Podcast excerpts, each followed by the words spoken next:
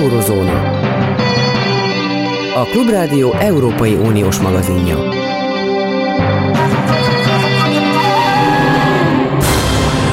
Jó napot kívánok, Zentai Péter vagyok. Egészen közel Magyarországhoz, hazánkhoz. Tulajdonképpen egy háborús helyzet van, és mintha a világ nem venné elég komolyan, holott az, hogy Oroszországnak formális vagy nem formális katonái Ukrajna egy szuverén ország területén tartózkodnak évek óta, és eközben hírlik, hogy a napokban újabb jelentős katonai összevonások, netán gyakorlatok zajlottak az orosz-ukrán határon, azon, amelyik az a rész, ahol még nincs úgy nevezett orosz megszállás, azért nem tudnék én igazából jól aludni, azt tudom, hogy itt, itt a mi szomszédunkban előbb-utóbb háborúnak kell lennie. Ez így nem maradhat. Provokálom mindezen szavakkal. Anton Bendazsevski geopolitikai szakértőt. Jó napot kívánok! Jó napot kívánok! Ön is úgy gondolja, hogy én most csak egy provokációt követtem el, vagy pedig az én aggodalmaim akár megalapozottak is lehetnek? Hát sajnos ezek, a, ezek az aggodalmak időnként újra és újra előjönnek, és azért ne feledjük el, hogy Ukrajnában most már 7 éve háború zajlik. 2014 óta zajlik el Ukrajnában a, a fegyveres konfliktus, és gyakorlatilag minden héten vannak áldozatai. Ez most már jóval kisebb intenzitású, mint mint korábban. A tavaly elért fegyverszünetnek komolyabb eredményei lettek, de, de még mindig háborús konfliktusról beszélünk. Az ország területének egy részét ugye továbbra sem kontrollálja Ukrajna, és hát Oroszország többféleképpen sem segít, egyrészt úgy, hogy támogatja ugye a kelet-ukrajna területén harcoló szeparatistákat, ugye elméletileg orosz katonai tanácsadók, netán önkéntes orosz katonák is vannak ott a, a fronton, itt különböző információk vannak, másrészt pedig ugye azzal sem segít, hogy újra és újra hát gyakorlatokat folytat a, a térségben, amivel mindig újabb feszültséget, feszültséget szít. A, a mostani helyzet ugyanakkor kellőképpen érdekes több szempontból is. Ugye először a nyugati lapok számoltak be erről néhány nappal ezelőtt, a Washington Post, majd a Politico, hogy Oroszország újra katonai mozgósítást végez a térségben, és uh, ugye ez azért is lett nagy hír, mert uh, fél évvel ezelőtt uh, gyakorlatilag évveleje, március vége, április a során voltak nagyon komoly orosz katonai mozgósítások, amelyek gyakorlatilag arra késztették az Egyesült Államokat, hogy a korábbi nyilatkozatok ellenére tárgyalóasztalhoz üljenek Vladimir Putyinnal, ebből lett ugye júniusban a, a Biden és Putyin közötti Genfi találkozó. Tehát akkor volt egy nagyon komoly mozgósítás, volt egy lényegében legalábbis nyilatkozatok szintjén volt egy komoly háborús feszültség, és most a nyugati lapok ugye megírták, hogy ismét egy ilyen, egy ilyen helyzet van. És a dolog érdekessége, hogy az ukránok bár ugye fél évvel ezelőtt minden fronton, vagy rosszul fogalmazva, minden, minden felületen terjesztették, hogy ugye komoly problémák vannak, most először hallgatásba burkolóztak, majd pedig azt mondták, hogy ezek fel vannak fújva, hogy nincs is semmiféle mozgósítás. Ugye érdekes, hogy itt most akkor miről, miről van szó, hogy az amerikai lapok fújják fel a helyzetet, az oroszok valóban mozgosítanak-e, és az ukránok miért hallgatnak, ha így van, Ugyanakkor, ha megnézzük ezeket az eredeti nyilatkozatokat és a műhold felvételeket, azt látjuk, hogy az orosz csapat mozgások 250 kilométerre vannak Ukrajnától, amit a Washington Post is, is megírt, tehát ez azért nem nevezhető annyira, annyira közelének, tehát valóban valamiféle hát nem is provokáció, de, de felfújás van a háttérben, és nem szeretném, ugye itt a, ön is elmondta a bevezetőben, hogy, hogy Ukrajnában háborús helyzet van évek óta, ugye most is ez van, tehát ne, ezzel nem szeretném lekicseníteni azt a veszélyt, vagy azt a feszültséget, ami évek óta Ukrajnában zajlik, de most, ami az elmúlt néhány napban napvilágot látott hír, ez ennek valószínűleg valamilyen manipulatív hatása van, és nem, ne, nem az, amiről, amiről beszámoltak. Mi, mi, mi, mi, a, mi a cél? Mi, mi a, a, a stratégiai célja Ukrajnának, mi a stratégiai célja Oroszországnak? És hát azt, azt gondolom, hogy a, mint a háton annyira kívánhatja a nyugat, hogy itt valami nagy dolog történjen, de eb, e, ebben a formában, hogy egy megszállt ország részben, másrészt pedig egy, egy, egy, egy hidegháborús propaganda háború zajlik, és emellett pedig megosztja ez az egész konfliktus a közép-kelet-európai térséget, és átételeken keresztül, nemzetiségeken keresztül át tud terjedni. Hát ez így nem maradhat, hát ez, ez, ez nem tud befagyott lenni örökre. Hát itt mindenkinek más célja van, tehát ez egy, mint, mint a görög dráma, vagy, vagy a mexikói szappanopera. Ugye Ukrán, a Ukrajnának nyilván az elsődleges célja az, hogy felszabadítsa ezeket a területeket, újra kontrollálja őket, mind a mellett visszaszerezze a Krimfélszigetet, illetve, hogy akadálytalanul folytathassa a, a nyugati integrációt. A, ugye ez Ukrajna. Oroszországnak az a célja, hogy ez, ez a egyrészt, hogy sikerüljön, mondjuk, hogyha Kelet-Ukrajnán keresztül sikerüljön legitimálni Krím megszállását, tehát előbb-utóbb Sajnos én azt látom, ez nyilván az én szubjektív szakértői véleményem, hogy előbb-utóbb a kelet-ukrán helyzet e, egy ilyen váltópénz lesz e, a nyugat szemében is, hogy e, az, az ukrán béke fejében elismerik majd Krim orosz megszállását. Valószínűleg erre ez az egyik ok, amire, amire törekszik Oroszország. A másik az, hogy Kelet-Ukrán hát ilyen instabil helyzeten keresztül destabilizálja az egész ukrán belpolitikát is, tehát nekik nem érdekük, hogy bevonuljanak oda, vagy, vagy Oroszországhoz csatolják ezt a területet. Nekik most az a legjobb, hogyha ö, folyamatos feszültség van, folyamatos félelem van, mert azzal nagyon, nagyon is komoly hatással tudnak lenni, nem csak a, nem csak a politika, az ukrán politikai életre, de ugye a gazdaságra is. És akkor ott van ugye az Egyesült Államok, most egy harmadrészt pedig Oroszországnak nyilván az, az érdeke, hogy minél minél inkább megakadályozza Ukrajna nyugati integrációját, elsősorban a NATO belépését, ugye erről már egy, egyre többet tárgyalnak, Kievben, legutóbb szeptemberben járt Kievben a, az amerikai védelmi miniszter, tehát ez nagyon komolyan terítéken van, és ezt Oroszország minden, mindenféleképpen próbálja megakadályozni. Amerikában most viszont egy másik, egy másik veteletét látjuk. Szerintem, és ez megint egy szubjektív szakértői vélemény, az, hogy bizonyos lapok felfújták az orosz csapatmozgásokat, és mondjuk úgy, hogy megint feszültséget csinálnak ezzel, megpróbálják megakadályozni az amerikai-orosz közeledést, és ennek több nyomát látjuk. A júniusi Genfi csúcs óta, amikor ugye az amerikai elnök és az orosz elnök találkoztak, bár hivatalosan nyilatkozatok szintjén nem történt nagy áttörés, tehát továbbra is élesen bírálják egymást, mondjuk úgy, hogy mérsékelten agresszívak egymással szemben.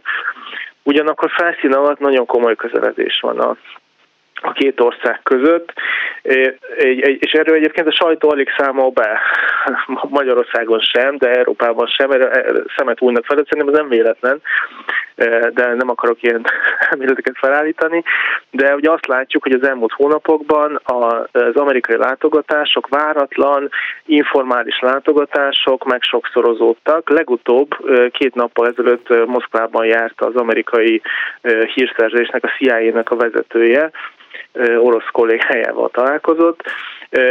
Előtte pedig különböző amerikai bizottságok jártak Moszkvában, illetve találkoztak semleges területen Finn, Finnországban, Genfben is, illetve Victoria Nulland, aki, aki ugye hagyományosan orosz ellenes pozíciót vett fel, ő októberben is orosz fekete listán is volt, tehát hivatalosan nem is utazhatott volna be Oroszországba, mégis októberben feladották ezt a, ezt a korlátozást, és tárgyalni utazott Oroszországba, és több, akkor több nyilatkozott és született arról, hogy fel kell oldani az eddigi korlátozásokat, a, a diplomáciai képviseletek munkáját korlátozó szankciókat fel kell oldani, és, és ezen a téren áttörést kell elérni. Tehát úgy tűnik, ne, nekem számomra legalábbis, hogy egy amolyan Reset 2 készülődik, ugye Barack Obama idején 2009-ben volt egy, egy szimbolikus kapcsolatok újraindítása Oroszország és az Egyesült Államok között, amikor szimbolikusan még egy ilyen nagy reset gombot is, is megnyomtak Hillary Clinton, illetve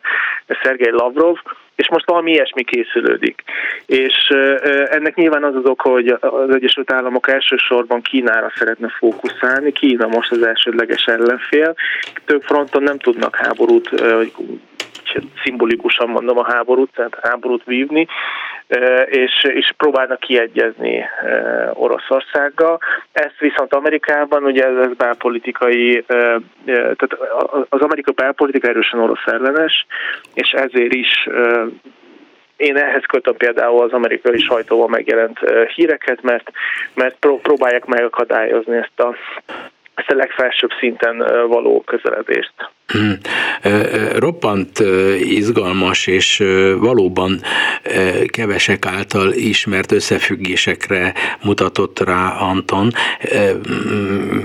Magam is elcsodálkozom azon, hogy valójában a felszín mennyire csalóka, hogy az orosz-amerikai szembenállás micsoda kiélezete, és ön tényekkel bizonyította, hogy ez a valóban csupán a felszín, és a felszín alatt itt orosz-amerikai közeledés közeledés is végbe megy. E, ez az utolsó mm, néhány percünk van már csak. Hadd kérdezzem meg, hogy e, ez a helyzet, ami most így van orosz-ukrán ügyben, ez nem e, leginkább a kelet-európai országok tudja megosztani, tehát például Magyarország, aki orosz barát, illetőleg Lengyelország, aki vagy amely pedig erősen ukrán barát és orosz ellenes. E, e, tehát ez, ez, ez számunkra is egy front, e, látens front. Én, én azt gondolom, hogy külpolitikai kérdésekben azért van egy összefogás a v között, legalábbis Lengyelország és Magyarország között. Ezt láttuk ugye Belarus esetében is, hogy bár az elején, ugye a tavalyi Belarus forradalmat követően az első napokban hallgatotta a magyar külügy, hogy hogyan értékelje ezt az eseményt, majd amikor ugye Lengyelország is elítélte, ugye nem ismerte, akkor a Magyarország is csatlakozott a lengyel állásponthoz, és hasonló, hasonló nálunk ugye Ukrajnával is, bár a, a kárpátai magyaroknak a támogatása az egy sarkalatos pont az ukrán-magyar kapcsolatokban, de ami ugye Oroszországot, vagy ugye az ukrán területi szuverenitást illeti, ott szerintem eddig egészen konzekvens politikai irány volt. Tehát Ugye a, a, a helyzet ez nem, nem csak mondjuk a kelet-európai vagy közép-európai államokat tudja megosztani, de hogyha valóban létrejön egy, egy, egy amerikai-orosz közeledés, akkor az ugyanúgy Nyugat-Európát és, és Amerikát is érinti, mert, mert itt Ukrajna a legfontosabb kérdés, mert például abban meg tudnak egyezni a felek, hogy mondjuk Amerika kevésbé fog beleszólni az orosz belügyekbe, vagy, vagy együtt tudnak működni például Szíria Szíriában, vagy, vagy a közel-keleten. De Ukrajna pont az a pont, ami, ami a leg, ahol a legnehezebb megegyezni. E, e, én valamiféle státuszkót tudok elképzelni, hogy, hogy Ukrajnát mondjuk távol tartják a, a nyugati intézményektől, Oroszország viszont valamilyen szinten megígéri, hogy nem fog beleavatkozni az ukrán belügyekbe, netán még Kelet-Ukrajna kérdését is rendezi annak fejében, hogy Ukrajna sose lesz a NATO tagja, tehát valami fajta ilyen megegyezést el tudok képzelni, és szerintem egy ilyen felállásban a közép-európai államok is partnerek lennének tényleg izgalmas és nagyon is reális szenárió, prognózis, amit most Anton Bendezsevszki geopolitikai szakértőtől hallottunk. Köszönöm önnek a viszonthallásra. Köszönöm a beszélgetést. A vonalban Újhelyi István, európai parlamenti képviselő, ő talán a legaktívabb magyar ember az Európai Parlamentben, és olyan témákat szokott erőteljesen középpontba állítani az Európai Parlamentben, amely témák bennünket szó szerint húsba érintőek. Most például a Covid ügyét. Annyit, hogy, hogy most már lassan kiderül, az ön azonban értesítette azért a nagyvilágot, és nagyon kevésbé tudta onnan Brüsszelből a magyar, való, a magyar embereket értesíteni, hogy, hogy a világ egyik legrosszabb helyzete van Covid ügyben Magyarországon, egyebek között azért, mert a magyar emberek nagy részét keleti vakcinákra erőltették rá, és ennek folyományait próbálja ön valami módon irányítgatni. Jó napot kívánok! Meghívást a beszélgetésre, jó napot kívánok! Szóval tudják a világban, hogy, hogy itt, itt valami nem stimmel. És vajon van-e más olyan Európai Uniós ország, ahol ennyire nem, nem stimmelnének a dolgok, ahol ennyire, hogy úgy mondjam, átverték a lakosságot? Nem tudok ilyen Európai Uniós tagállamról. Vannak olyanok, ahol az oltási kampány finoman szóval sem sikerült lásd Romániát és Bulgáriát, ahol egyszerűen lakosság jelenállásba ütközött az oltás, de sehol nem a kormányzat hazugságai, vagy éppen propaganda vezérelt járványkezelése okozta ezt a problémát. Nálunk két, vagy inkább három európai szemmel nézve, európai szemmeggel nézve három dolgot szeretnék kiemelni. Az egyik a tájékoztatás hiánya és a folyamatos hazugságok, amelyek elbizonyítják a magyar embert, már nem tudjuk, hogy minek higgyünk, minek ne higgyünk, melyik adat igaz, melyik adat nem igaz. Előlem például titkolják most, most már hónapok óta azt, hogy melyik, tehát hogy a kórházba került magyaroknál hány százalék oltott és oltatlan, és akik esetleg súlyosabban betegszenek meg, mondjuk lélegeztetőgépre kerülnek, sokan sajnos elhunynak, ők beoltottak voltak-e vagy sem, és mivel voltak átoltva. Ez az egyik problémakör. A másik problémakör pedig az az alapvető hiba, hogy a magyar kormány tavasztal azt kommunikálta, hogy két fára fektettük a vírust, minden rendben van, fantasztikusak vagyunk a világon, mi győztünk, és ez bizony a lakosság egy részét elkényelmesítette. Ezért van az, hogy sajnos lakosság arányaiban mi vagyunk a világ legrosszabb halálozási statisztikai adataival rendelkező ország, és most, ahogy halljuk, mi vagyunk azok, akiknek a járvány görbéje az egész világon a legdinamikusabban és legdövetesebben húz fölfele. De én személy szerint érintett vagyok, mert én elfogadtam annak idején a kínai oltást azért, mert nem tudom miért, valamilyen a propaganda reám is hatott, hogy hát hol ronthatják el a kínaiak. De mindmáig ez a kínai dolog, ez nem stimmel, mert utána kimutatták, hogy semmilyen hatást nem gyakorolt az én szervezetemre, mint ahogy nagyon sokakra, akikre valamelyest. De hát egy ekkora átverés, hogy egy olyat, amit, Magyar, amit Európában sehol nem fogadnak el, és az orosz sem fogadják el. Hát hogy tehették meg ezt a magyar néppel? Ez most nem ilyen költői, drámai módon akarom előadni, hanem, hanem őszintén. És, ez, és, és, és, és, és ebből, ebből miért, miért nincs világbotrány?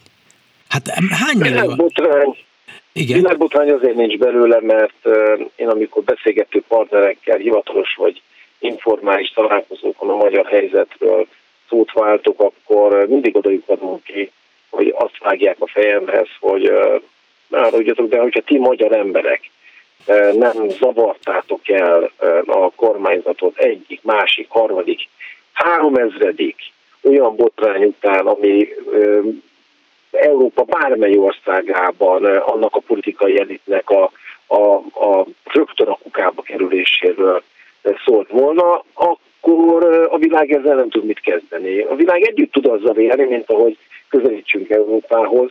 Az Európai Unió tagállamaiból, a 27 tagállamból mi vagyunk az egyetlenek, akik most azzal szenvedünk, állampolgárok, hogy azok, akik nem európai engedélyezésű vakcinát kaptak a magyar kormány erőltetett kereti vakcina beszerzése miatt, azok most például korlátozottan tudnak csak utazni az Európai Unióban. Persze a lakály média most azt propagálja, hogy az Európai Unió tehet erről, de nem igaz.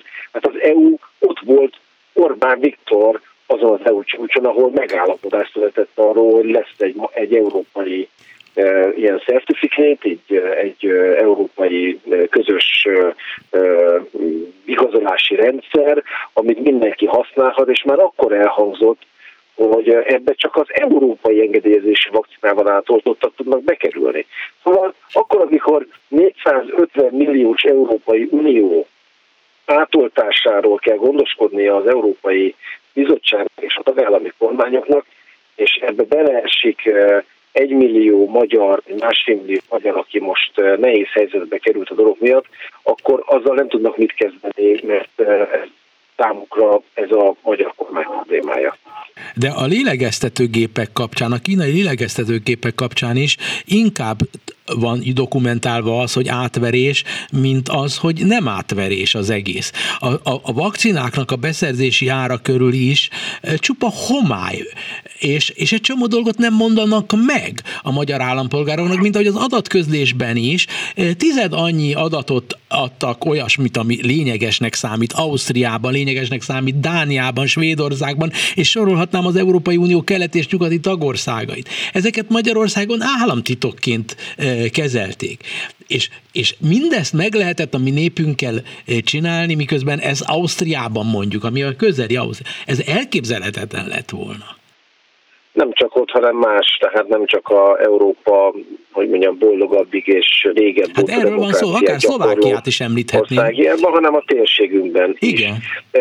Hogy emeljek ki két dolgot. Az egyik fele a történetnek az a szokásos korrupciós mocsadék, ami akár a lélegeztetőgép beszerzés, akár pedig a vakcina beszerzés kapcsán tetten érhető. Ennek azt remélem, hogy április után egy szabad kezet kapó ügyészség és, és korrupció ellenes intézményrendszer ennek a felelőseit meg fogja találni. Itt súlyos száz milliárdokról van szó, amit a magyar kormány a mi pénzünkből eltapsolt, ráadásul nem igazolható, és még csak sokszor nem is hatásos módon. A másik része, ami aktuálisabb, az, az adatok mögötti sunyogás és a kormányzat hazug kommunikáció miatti emberéletveszélyeztetés.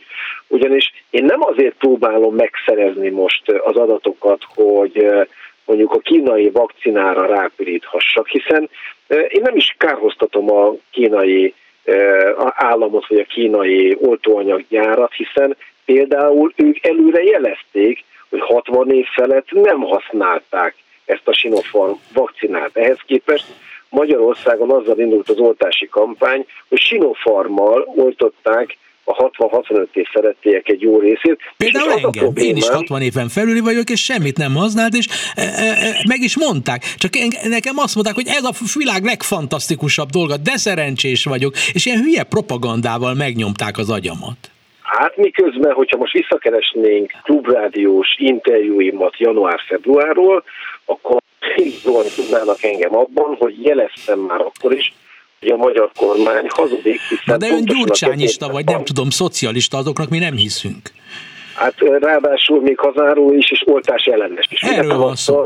Hát, én akkor persze, hogy nem hittem magán. Olt, oltás ellenes azért, mert én megkérdeztem a kormányzat hitelességét az oltási kampány kapcsán. Na most itt ott járunk, és azért befejezem a gondolatmenetet, hogy az a problémám, hogy ha szembesülne a magyar társadalom és a kormány is azzal, hogy sokan úgy kerülnek most kórházba, hogy azt hiszik, hogy védettek, pedig esetleg a Sinopharm vakcina miatt nem alakult ki bennük a védettség, ez nem egy politikai blokk. Eurozóna. A Klubrádió Európai Uniós magazinja.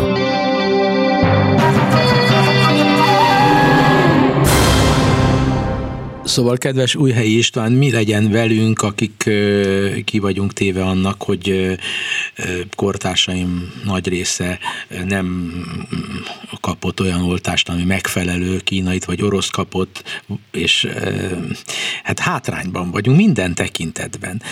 Annyit, hogy pontosítsak, hogy az orosz vakcina kapcsán nem hallok olyan szakmai véleményt, hogy nagyobb arányban lenne hatástalan, ez kifejezetten a Sinopharm nál fordulhat elő. Az orosznál és a Sinopharmnál is egy másik probléma is adódik, ez a utazási korlátoltság. Éppen Londonból jöttem haza a napokban, ahol londoni magyarok megerősítették, amit eddig is tudtunk, hogy elképesztő nehéz beutazni, mert nem tekintik egyszerűen beoltottnak azokat a londoni az Egyesült Királyságbeli hatóságok, akik nem európai engedélyezés vakcinát kaptak, így sokszoros tesztelés plusz tíz napos karantén vár rájuk. Na most a kormányt ebben is ütöm vágom, mert hiába intéztem el az Európai Bizottság elnökénél, hogy az úgynevezett Európai Egészségbiztonsági Bizottságban, ott minden tagállam is jelen van, ott hozzanak arról egy döntést, hogy akik harmadik vakcinaként európai engedélyezést kapnak, azokat ismerje el a rendszer. Ha egyszer a magyar kormány nem viszi be az ülésre napirendre most már második hónapja. Ezt nem is értem, ennek egyre érzéketlenek, vagy bocsánat, a szóért töketlenek, de ez fölháborító. Aki pedig itthon eh, az egészségvédelmében szeretne lépést tenni, először is eh, menjen el egy antitest vizsgálatra, szűrésre. Én, én magam is megcsináltam egyébként. De ez pénz, ez, ez rengeteg pénzbe kerül, most ne haragudjon. Más ország, Berlinben minden ember emberi jogon ingyen tudta antitest szűrést elvégezni. Én, én, én, én, többet is csináltam ott. El kellett mennem Ausztriába, Németországba, Ausztriába elmenni, hogy ingyen legyen az, ami itten nem ingyen, miközben százmilliárdokat elnyomtak nem használható lélegeztetőgépekre. Ez ön, ön szerint ez, ez kóser? Ez, ez, ez elfogadható a legcsekélyebb mértékben is? Legcsekélyebb mértékben sem fogadható el. Volt is egy javaslatom, amire személyesen Müller Cecília nagyságos azt válaszolt, mint annak idején a törzs üléseken, amikor én azt javasoltam, hogy legalább a sinofarmosoknál ingyen antitestülést biztosítson a magyar kormány. Erre az volt a válasz, hogy szakmailag megalapozatlan, amit javaslok. A, ehhez képest az orvosok mindenki ezt javasolja. Meg a másik, én azt, jav, azt kértem most a kormánytól, hogy hozzon létre, ez éppen ma is sajtótájékoztató, hogy hozzon létre egy olyan alapot, amiből azoknak, akik igazolhatóan munkavégzés, tanulás miatt külföldre kell utazni, azoknak a magyar állam igenis ingyenes biztosítson, mert, nem, nem, nem lehet kifizetni ezt normál fizetésből. Hát, szegény Újhelyi István, önnel kiabálok, általában kiabálni szoktam, és ez elég ellenszenves tulajdonságom, de én, én nagyon nagyra értékelem, hogy ha szabad udvarolnom, de én nem udvarlásban mondom, hogy, hogy ön ezzel foglalkozik, mert ezért ez az utóbbi évtizedeknek az egyik leg, leg, legborzalmasabb játéka, amikor a politika én az emberek egészségével játszik. Hát én... És egyszerűsítsük le a képet, szerkesztő úr. Megvettünk sokszorosáron, mondjuk a, az asztrához, amit én kaptam, az asztrához képest 12-szeres áron vettük meg a Sinopharm vakcinokat. Egy olyan közvetítő céget beiktatva, amelyik offshore hátterű és előző években nulla árbevétele volt, ezzel generáltunk most valakiknek több tíz milliárd forintnyi hasznot, és, és az állam közben pedig megspórolja az ön által befizetett társadalombiztosítási járulékok ellenére megspórolja az antitesztülés vagy az ingyenes tesztelést. Ez, ez, ez önmagában elég lenne ahhoz, hogy, hogy, hogy nem akarok erőszavakat használni, de, de de legalábbis tömegnyomásra Igen. a kormány azt mondja, hogy elnézést, bocsánatot kérünk, soha többet nem fogunk üzenet közelébe jönni. Nem tudok szóhoz jutni.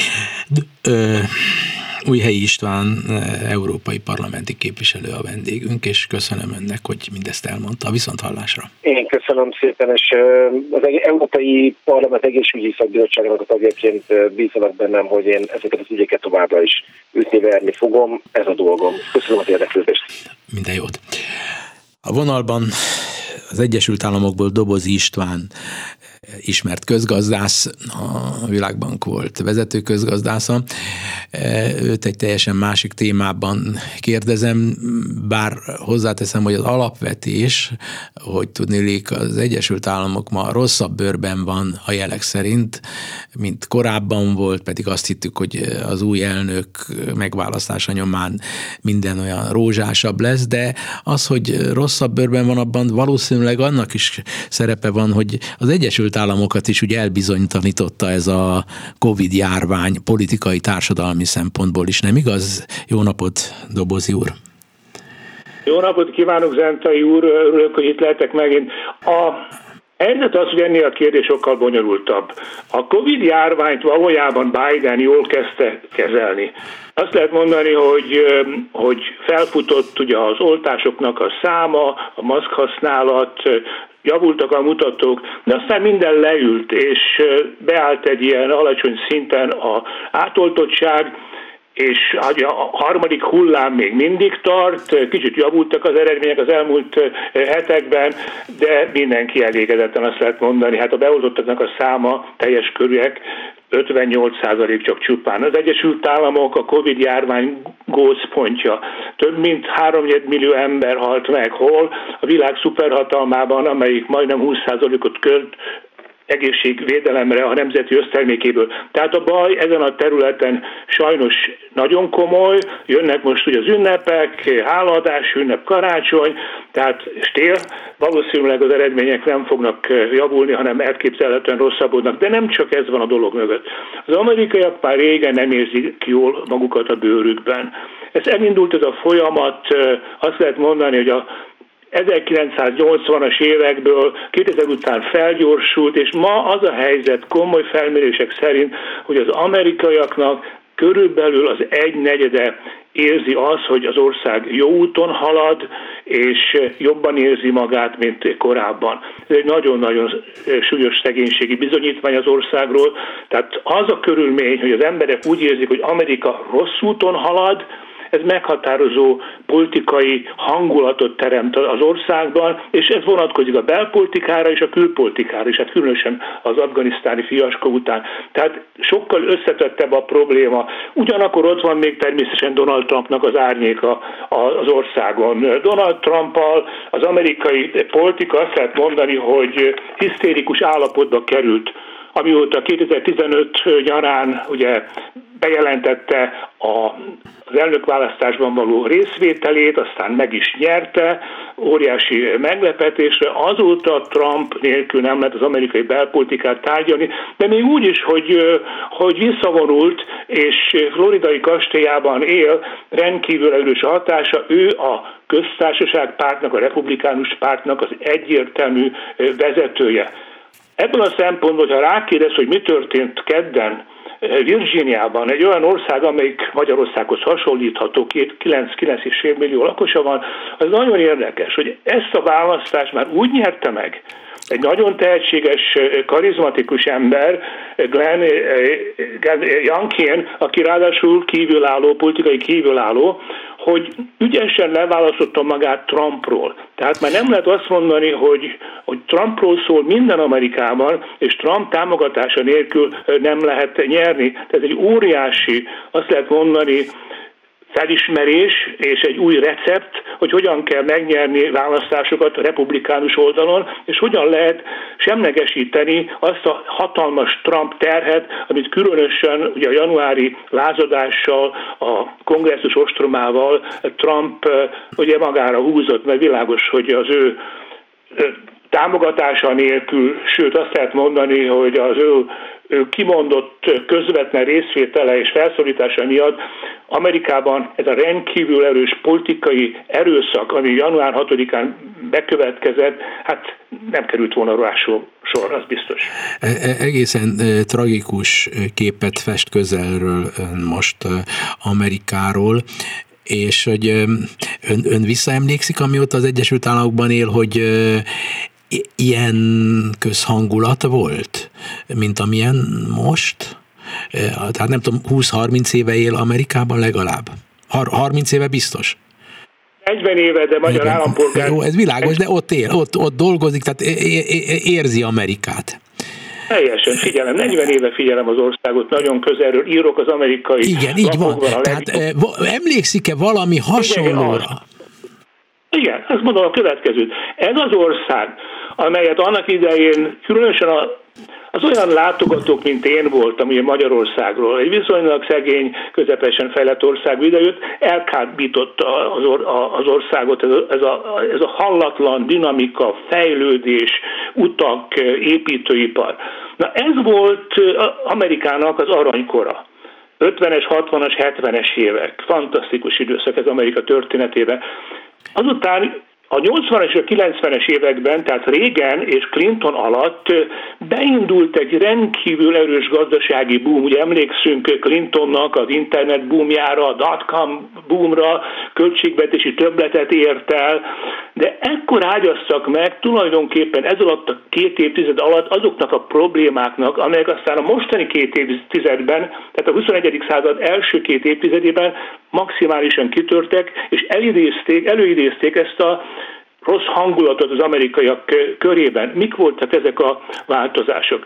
Ugye abban a régeni és Clintoni boomban, fellendülésben azért kialakultak hatalmas aránytalanságok Amerikában.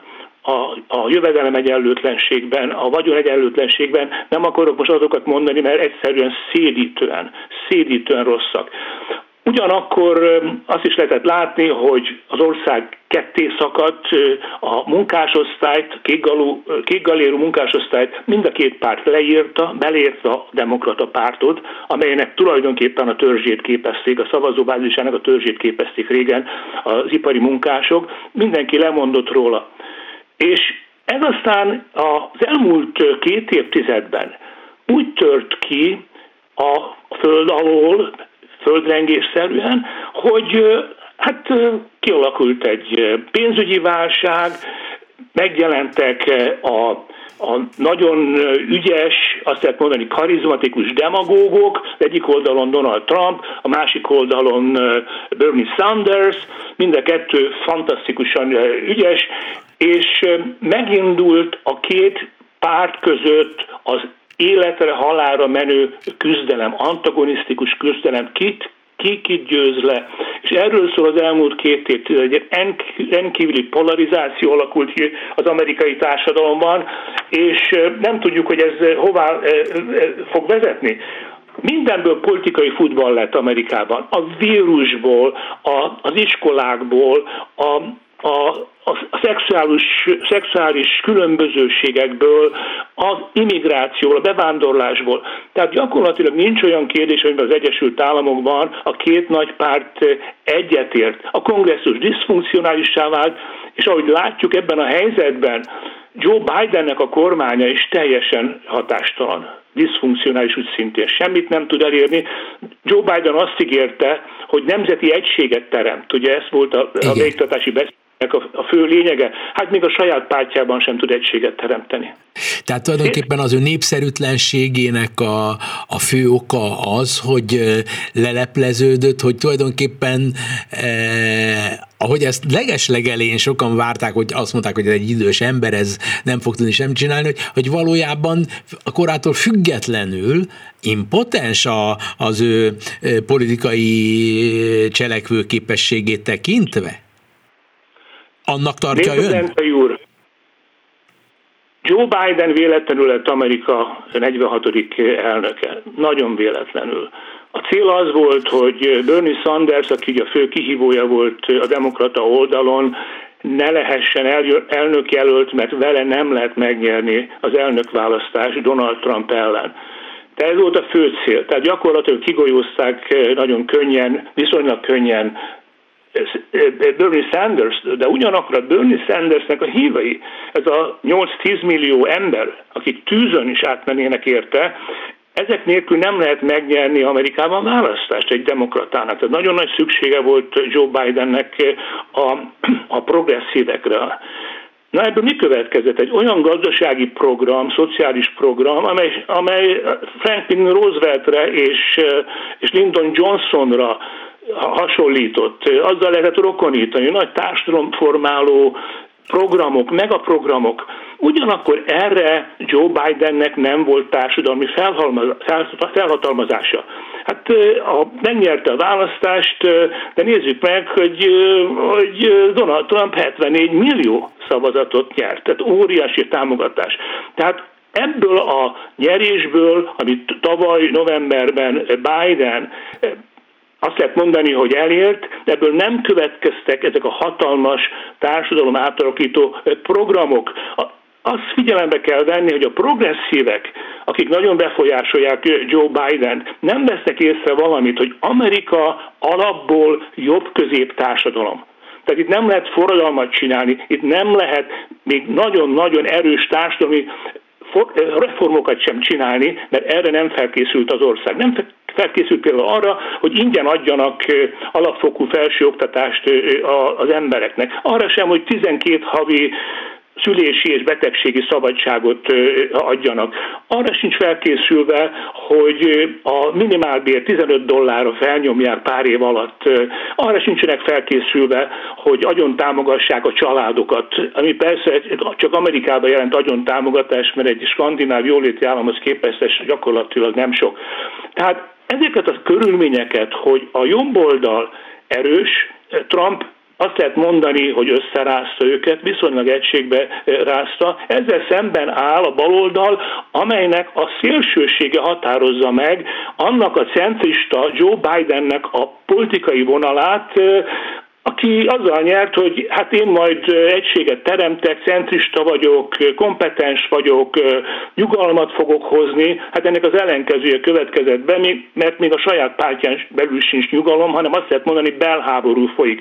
Tehát Joe Bidennak a helyzete nagyon rossz azt lehet mondani, süllyed a hajója, ezt írtam a népszavában nemrég. Süllyed a hajó, és nem lehet tudni, hogy ezt hogyan lehet megállítani. Ha meg lehet, különösen most ugye a nagy változások következtében, amelyek kedden bekövetkeztek, hogy elveszették Virginiát, egy olyan fontos államot, amely kimondottan kék kezdett lenni az utóbbi tíz évben, és tehát demokrata beütésű, és simán elvesztették, és elvesztettek egyébként több más választást is, és New Jersey-ben is, hogy a kormányzói választást, aminek sétagalomnak kellett volna, hogy legyen, Murphy, a, a, a, a hivatalban lévő kormányzó csak alig tudta megtartani. Tulajdonképpen ez is republikánus győzelemnek számít.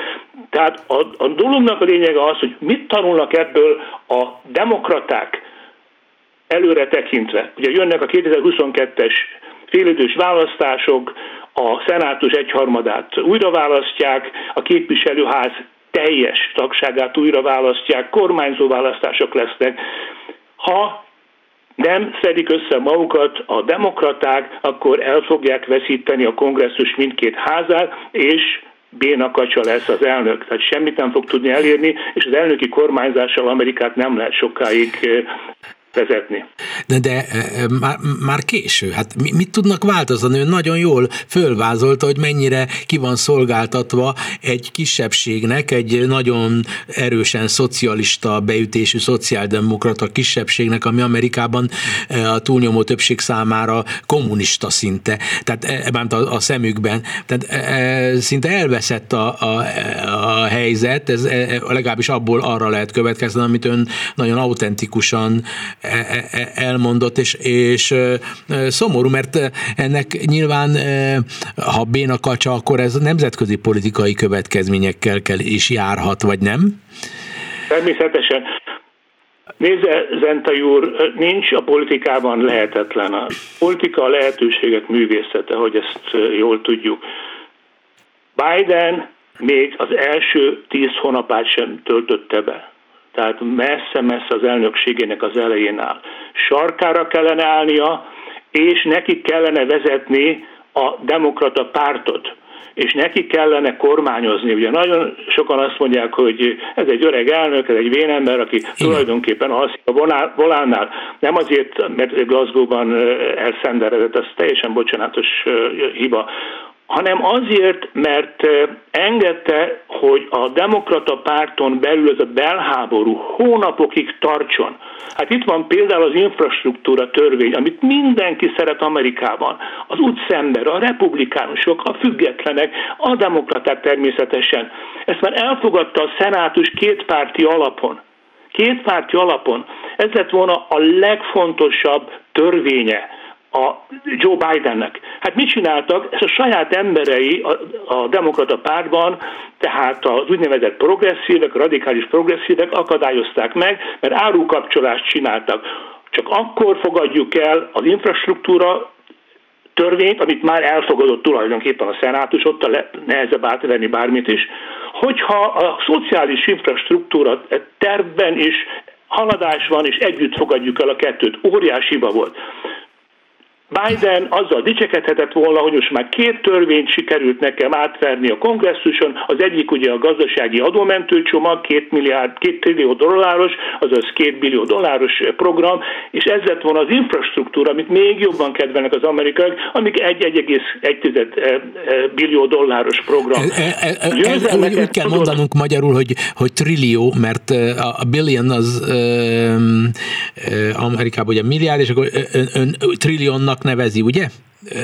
A trilliót magyarul egyébként. Magyarul, ez, ez, tehát az egy, első esetben 2000 milliárd így van, így van. és a másik esetben 1,1 ezer milliárd. Igen. igen, jó. Igen? Óriási, óriási. A, a nemzeti összterméknek ezek 20%-át teszik ki, igaz, hogy 10 évre vonatkoznak, de visszatérve a kiinduló pontra, ha nem tanul Joe Biden abból, hogy most már vezetnie kell az országot, és vezetnie kell saját pártját, akkor a süllyedés tovább fog folytatódni, és tükör simán el fogják veszíteni a 2022. november 8-i féldős választást, ami katasztrófa lenne a programjának, a program megvalósítása céljából. Tehát ez a nagy tét most. És persze ott van 2024 az amerikai elnökválasztás. Amerikában mindig választanak, mindig egy következő választásra tekintenek előre. 2024 azért is nagyon fontos, mert Donald Trump kacérkodik azzal, hogy indul 2024-ben ami azt jelenti, hogy, hogy már is készül arra, hogy, hogy összeállítsa a programot, a kampányt, rengeteg pénze van, olyan a gazdag a kampány pénztárcája, hogy még ilyen soha nem volt senkinek.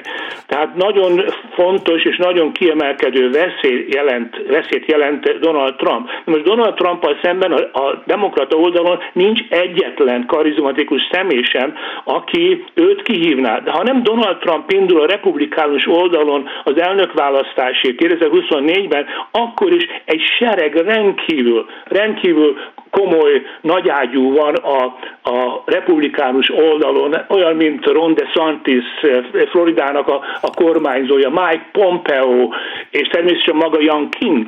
Meggyőződésem, hogy Jan King lesz az egyik legesélyesebb elnök jelölt 2024-ben, karizmatikus, dinamikus, fiatal, 57 éves. Ez a, ez a virginiai új, új e, kormányzó, erről van szó? Még egyszer, Jankin, hogy, a, Jankin az, az, az nem ismerem, ő, ő a, a virginiai új kormányzó, vagy nem tudom?